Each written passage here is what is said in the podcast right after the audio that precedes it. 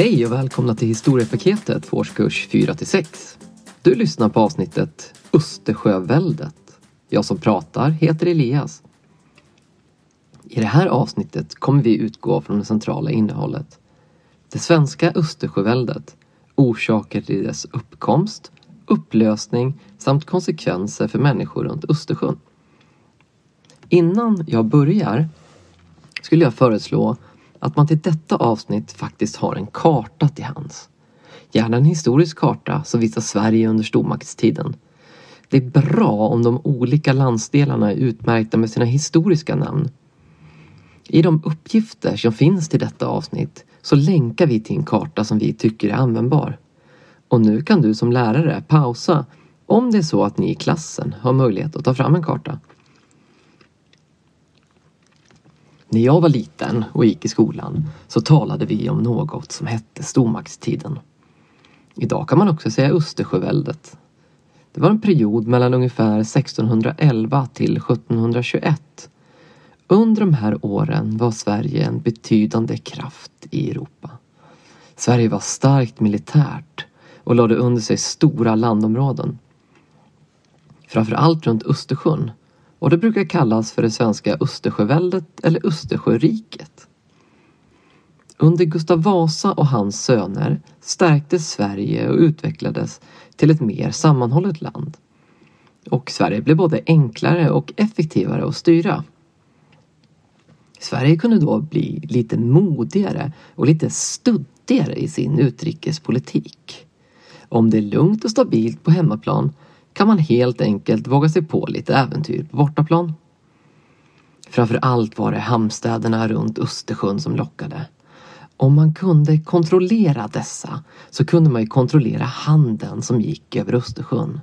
Och det var något som var mycket lönsamt. Alltså gäller det att börja här. Gustav Vasas barnbarn Gustav II Adolf var den kung som skulle inleda Sveriges process att bli en stormakt. Gustav II Adolf erövrade stora delar av Baltikum. Områden som tidigare hade tillhört Ryssland blev nu svenska. Framför allt erövrade han nästan hela Estland och Lettland. Men han lyckades dessutom erövra Ingermanland och Kexholm. Det ledde till att allt land runt Finska viken nu var under svensk kontroll och ryssarna stängdes i princip helt ute från Östersjön. Sverige kunde därför dominera och ta ut tull för all handel som kom den vägen och sen skulle passera vidare över Östersjön. En dröm började födas om att Östersjön skulle kunna bli ett svenskt innanhav, precis som Medelhavet hade varit för romarna. Förr sa man också att vatten förband och land skilja åt. Det betyder helt enkelt att det gick mycket snabbare att färdas över vatten än över land. Så hav, sjöar och floder var mycket viktiga transportleder. Och Östersjön var otroligt viktig för Sverige. Viktiga svenska städer som Stockholm och Åbo låg vid Östersjön. Och det här var en stor och bidragande orsak till när Helsingfors grundades. Nästan allt som såldes från Sverige till utlandet skeppades via Östersjön. Så kontrollen över havet och handelsstäderna var extremt viktig. Att Östersjön under denna period också nästan var ett svenskt innanhav var en av huvudorsakerna till att Sverige kunde växa fram till en stormakt. Östersjön gav Sverige de ekonomiska resurser som behövdes. Sverige hade en mycket mycket liten befolkning vid 1600-talets början. Bara cirka en miljon. Så Sverige var stort till ytan men det var väldigt få som bodde i riket. När stormaktstiden sen gick mot sitt slut kring 1718 då bodde det cirka 1,8 miljoner personer inom det svenska riket. Men vi återvänder till Gustav den andre Adolf. 1618 utbröt ett religionskrig i Tyskland mellan protestanter och katoliker. Katolikerna var mycket framgångsrika och 1630 beslutade Gustav Adolf och hans rådgivare att Sverige skulle rycka in på protestanternas sida. Varför Sverige väljer att gå med i kriget finns det olika åsikter om. Vissa menar att det var för att utnyttja situationen och kunna bygga Sverige ännu mäktigare. Och vissa menar att det var för att skydda protestanterna. Nu för tiden verkar de flesta forskare överens om att det var för att ta chansen att göra Sverige större och starkare. Gustav Adolf och den svenska armén anländer till Tyskland i juni 1630. Läget var mycket dåligt för protestanterna. Men med hjälp av lejonet från Norden, ja, han kallades faktiskt så, Gustav Adolf, så vänder krigslyckan. Svenskarna vinner slag på slag. Men det kostade många, många mängder soldater. Halva armén dog redan de tre första åren. Så nya soldater var hela tiden tvungna att hämtas från Sverige och Finland. Faktum var att det knappt räckte med soldater från Sverige och Finland utan man var tvungen att betala soldater från andra länder för att slåss i armén. Med de här soldaterna följde också ofta deras familjer som följde efter armén och bodde i tält lite utanför armélägret.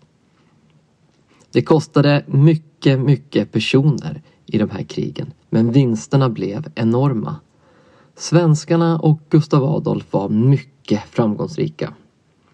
1632 tar kriget dock slut för Gustav Adolf. I slaget vid Lützen rider han vilse i dimman och dödas av fienden. Stor sorg bland protestanterna som förlorar sin främsta ledare. Men kriget rullar vidare. Gustav Adolf har inte fått någon son. Så hans dotter Kristina blir nu drottning i stormakten Sverige. Men ännu är hon liten så Sverige styrs av ett råd med ämbetsmän.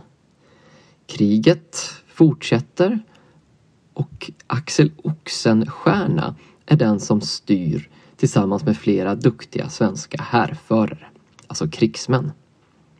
Svenskarna lyckas storma Prag och plundra det precis innan det blir fred 1648.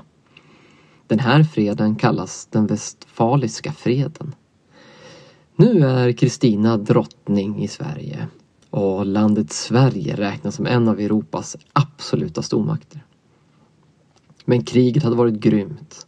Svenskarna hade bränt, plundrat och torterat sig fram genom Europa.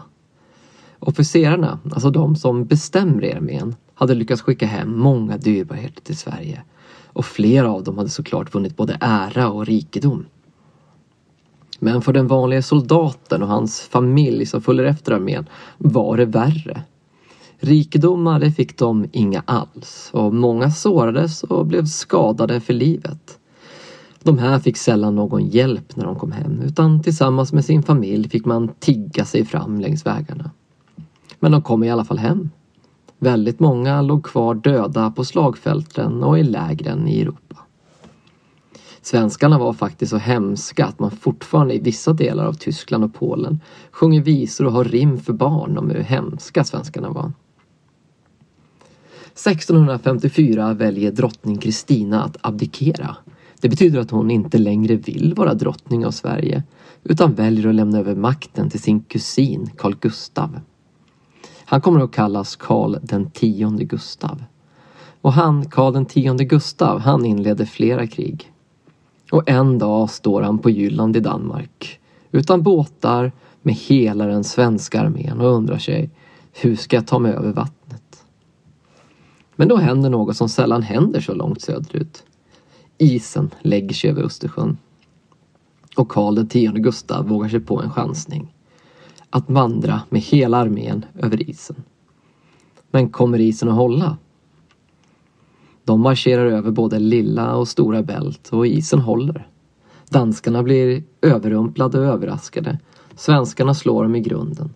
Och i den efterföljande freden i Roskilde så får Sverige Skåne, Halland, Blekinge, Bohuslän och Trondheims län i Norge. Större än vad Sverige är nu har man faktiskt aldrig varit. Stormakten står på sin topp kan man säga. Och redan nu kan vi faktiskt märka att det börjar knaka i fogarna. Sverige är stort till ytan, men fattigt på människor. Visserligen fanns det mycket naturresurser som järn, koppar och skog. Så det växte fram många nya fabriker. Och det byggdes flera nya städer, till exempel Göteborg. Men som jag sa tidigare fanns det inte så mycket människor i Sverige utan fler behövdes. Speciellt behövdes det människor med kunskaper och nya idéer. Därför bjöds människor in till att flytta till Sverige. Och det är till exempel nu den stora flytten av valloner som kom från Nederländerna skedde. Men i Sverige grundar man också universitet och gymnasier för att kunna utbilda fler människor. Under den här tiden stärks också kungamakten. Det växer fram myndigheter såsom Lantmäteriet som kartlägger hela Sverige. Men för allt det här så krävs det pengar. Och skattetrycket ökar. Det betyder att nya skatter hela tiden läggs på de som bor i Sverige. Det hade också krävt enorma mängder soldater och de flesta av de här soldaterna kom från bondeståndet och de hade drabbats hårt av utskrivningar. Det kallades så när man tog ut nya soldater. Och vissa platser, de började nästan bli helt tomma på män. Adeln däremot hade kunnat göra sig mycket rika och byggt fina palats och herrgårdar.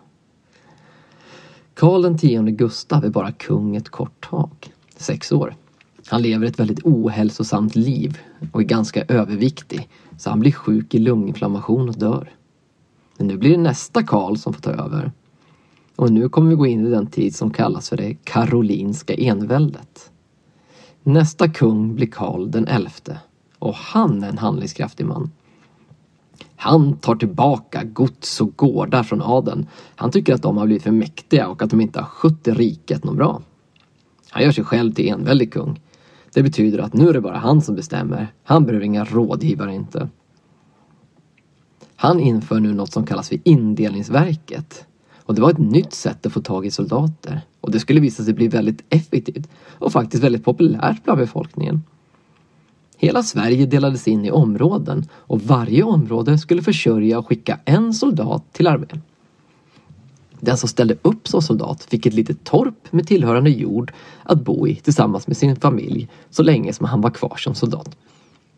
Det här blev väldigt populärt. De bönderna som hade det lite bättre, de slapp ju ställa upp själva som soldater och inte heller behövde de skicka dit sina egna söner.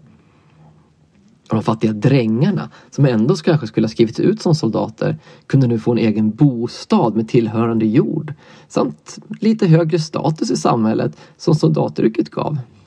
Dessutom gav det ju en bra trygghet för soldatens familj. Det var helt enkelt en vinst för alla. Soldaterna kom att kallas för karoliner efter kungen som hette Karl. Tillsammans med sina rådgivare, även fast han inte behövde fråga dem så hade han ju rådgivare, och de nya myndigheterna som skapades så blev Sverige väldigt, väldigt effektivt. Man införde också nya träningssystem för armén. Och de här karolinerna i sina blå och gula uniformer skulle visa sig vara en mycket effektiv armé. Men tiderna skulle snabbt förändras. Karolinerna var effektiva. Men de var i jämförelse med andra väldigt, väldigt få. När Karl XI dör tar hans son Karl XII över och då var han bara 15 år. En ung och e- oerfaren kung lockade Sveriges gamla fiender till att kräva revansch mot Sverige. Danmark, Polen och Ryssland attackerar alla Sverige år 1700. Det här brukar kallas för det stora nordiska kriget. Men armén med karolinerna var mycket framgångsrika. Snabbt slås Danmark och direkt efteråt skeppas soldaterna över till Estland. Där krossar Karl XII och karolinerna en rysk armé vid Narva. Trots att man var oerhört många färre än vad ryssarna var. Därefter vänder sig Karl XII mot Polen och lyckas även besegra dem. Men sen kommer det som brukar sägas vara vändpunkten för den svenska stormakten. Tillsammans med sin armé ger sig Karl XII in i Ryssland och vid Poltava 1709 lider svenskarna ett förkrossande nederlag och tvingas att ge upp. Kungen han flyr till Turkiet. Massor av svenska soldater dödas eller blir fångar i Ryssland. Detta brukar faktiskt räknas som den dag då flest svenskar har dött. Och de soldater som dog, deras familjer tvingades sedan flytta från de torp som de bodde i för där skulle ju en ny soldat flytta in. Så det blev en stor katastrof även för soldatens familj. Efter slaget vid Poltava börjar den svenska stormakten och Östersjöväldet att sakta, sakta rasa ihop.